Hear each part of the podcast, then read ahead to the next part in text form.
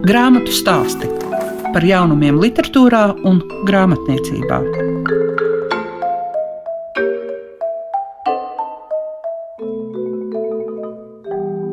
Prasme domas ietērpt vārdos un uzzināt, kā ar valodas palīdzību var padarīt pasauli labāku, arī tā var raksturot grāmatu stāstus, ko veidojas Liega Piešiņa.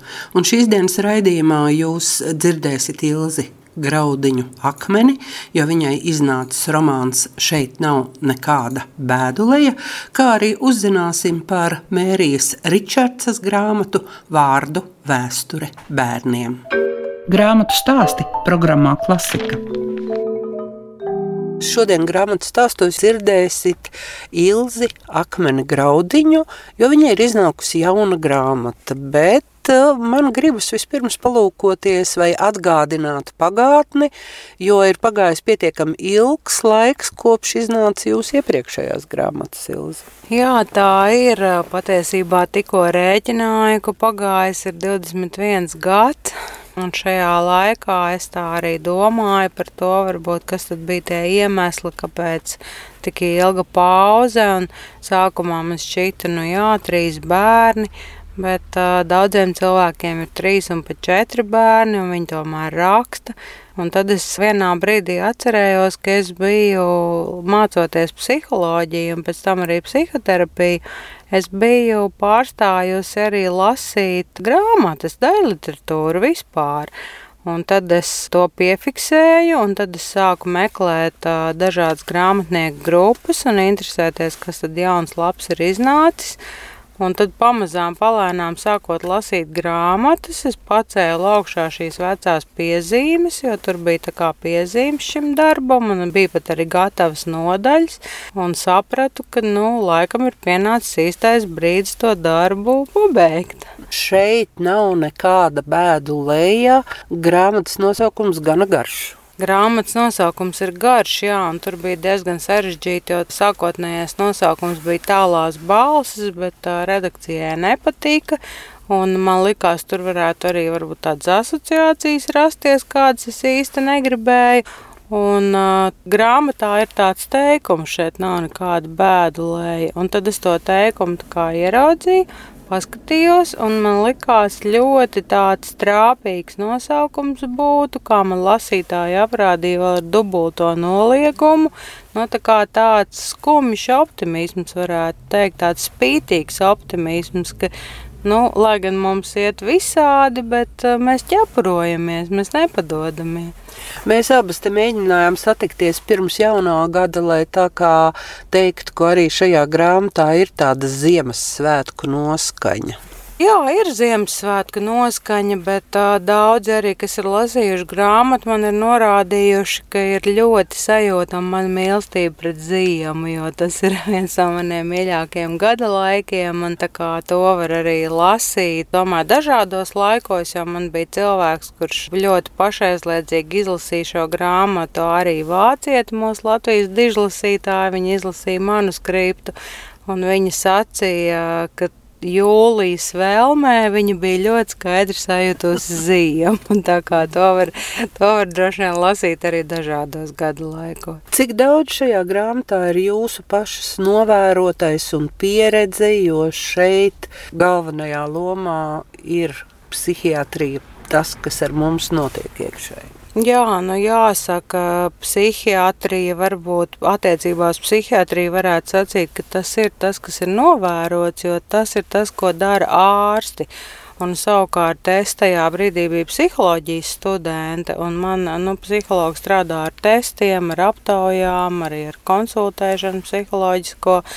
Tas bija tāds, varētu teikt, iesākums. Vispār, protams, ļoti liels šoks arī kā grāmatā var lasīt pat līdz tādai saslimšanai fiziskai. Un es teiktu, visvairāk es biju noraizējusies par varoņiem, jo ir jāievēro konfidencialitāte, un to nekā psihologs, nekā psihoterapeits, tas ir nu, ļoti, ļoti nepatīkams aspekts, bet nu, ļoti nepieciešams, ka tev ir ārkārtīgi daudz materiāla, bet tu nedrīkst to izmantot. Tu nedrīkst, piemēram, aprakstīt kādu cilvēku tā, lai viņš būtu atpazīstams, lai viņa visas viņa lietas, ar kurām viņš vēršas pie speciālista, ir atpazīstams. Un tāpēc es rakstot arī tagad, un arī rakstot šeit nav nekāda bēda lēja, es tā kā lūkojos tā vērīgi, vai tas ir kāds cilvēks, vai tas tomēr nav kāds, nu tā kā viens pret vienu norakstīts. Un tad es sapratu, ka nu, nē, tomēr tie ir tādi kompl nu, kompleksi varoņi. Jā, tie, tie ir tādi tipāži. Jā. Jā, varētu teikt, ka tie ir tādi tipāži drīzāk, jā, bet nu, katrā ziņā es domāju, ka nebūtu tā, ka kāds tagad teiktu, ka nu, šis esmu es un es tagad esmu ar to neapmierināta. Mhm. Nu, tas ļoti būtiski arī, protams, man kā psihoterapeitē tā nerīkoties ar cilvēkiem, un to es arī ļoti ņemu vērā cik tajā visā ir teiksim, nepieciešamība norakstīt no sevis citu cilvēku pārdzīvojumus. Zinat, man ir tāda laba tradīcija, ka es beidzot darba dienu, es parasti vēl stundu pavadu savā darba kabinetā. Es sakārtoju lietas, es pārlasu reizēm kaut ko, ja man ir tāda nepieciešamība. Tā kā nu, beidzu to dienu ar tādu, var teikt, rituālu sava veida.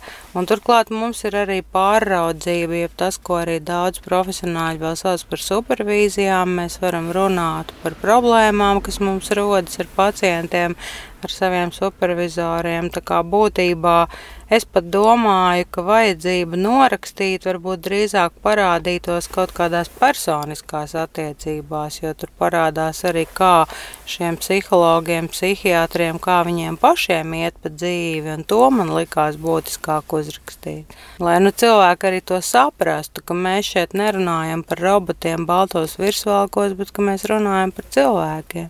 Man liekas, ka svarīga un tāda ļoti uzrunājoša lieta ir arī šī grāmatas vizualizācija, jo jūs aprakstāt to tā, ka ir tā sajūta, ka tā kā kino tu skaties. Jā, tas ir interesanti, ka jūs tā sakāt, jo, protams, rakstot nedaudz zib tās ainas, jo es esmu bijusi vairākās slimnīcās, vairākās nodaļās. Tā nav arī tāda viena vieta, un to es arī nemaz, protams, arī nedrīkstētu tā aprakstīt.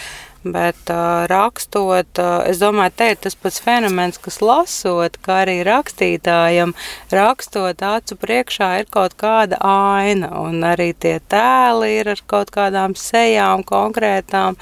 Un es domāju, tāpēc arī cilvēki lasot, uh, sajūt šo fenomenu, ka nu, tur ir kaut kāds tāds tēls, kas ir ticis aprakstīts.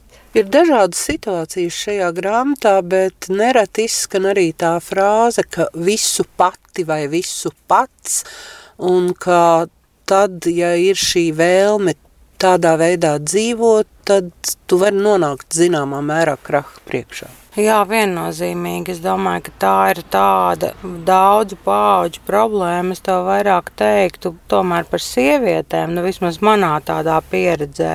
Nu, mēs zinām arī gan par kara sekām, gan par daudziem citiem apstākļiem, kāpēc ir šī visu pati, pati.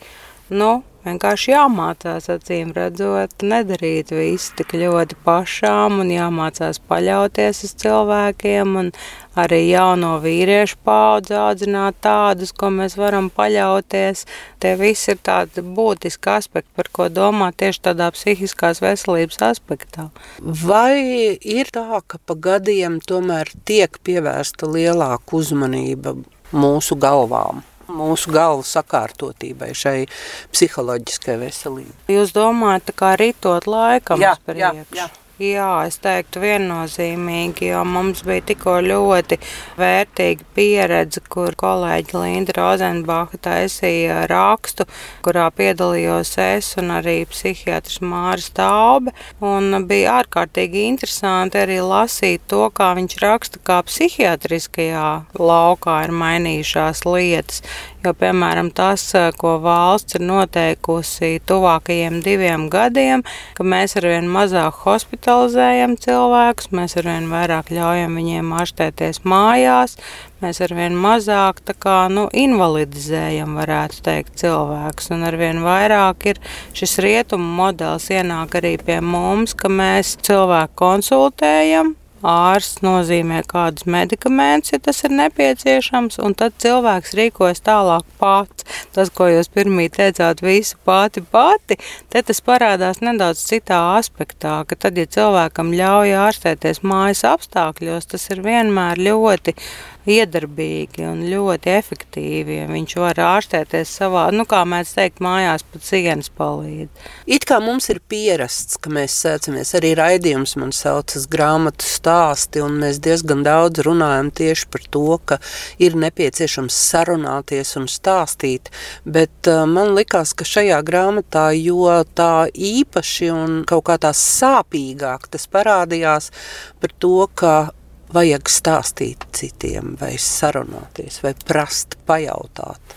Jā, jo es esmu grāmatā aizņēmusies stāstu no kādas savas pasniedzējas par to, ka šajā klusā okeāna salā, par ko viņa stāstīja, cilvēki, kas ir ārkārtīgi vienkārši un kuriem nav nekādas izglītības vai pētījuma vai kaut kā tam līdzīga, viņi ir to pamanījuši, ka ja no rītiem cilvēks citam stāsta savus sapņus, tad garīgā veselība tur nesagādā nekādas problēmas. Tur cilvēkiem principā nav pat nepieciešama kaut kāda mentālās veselības speciālisti.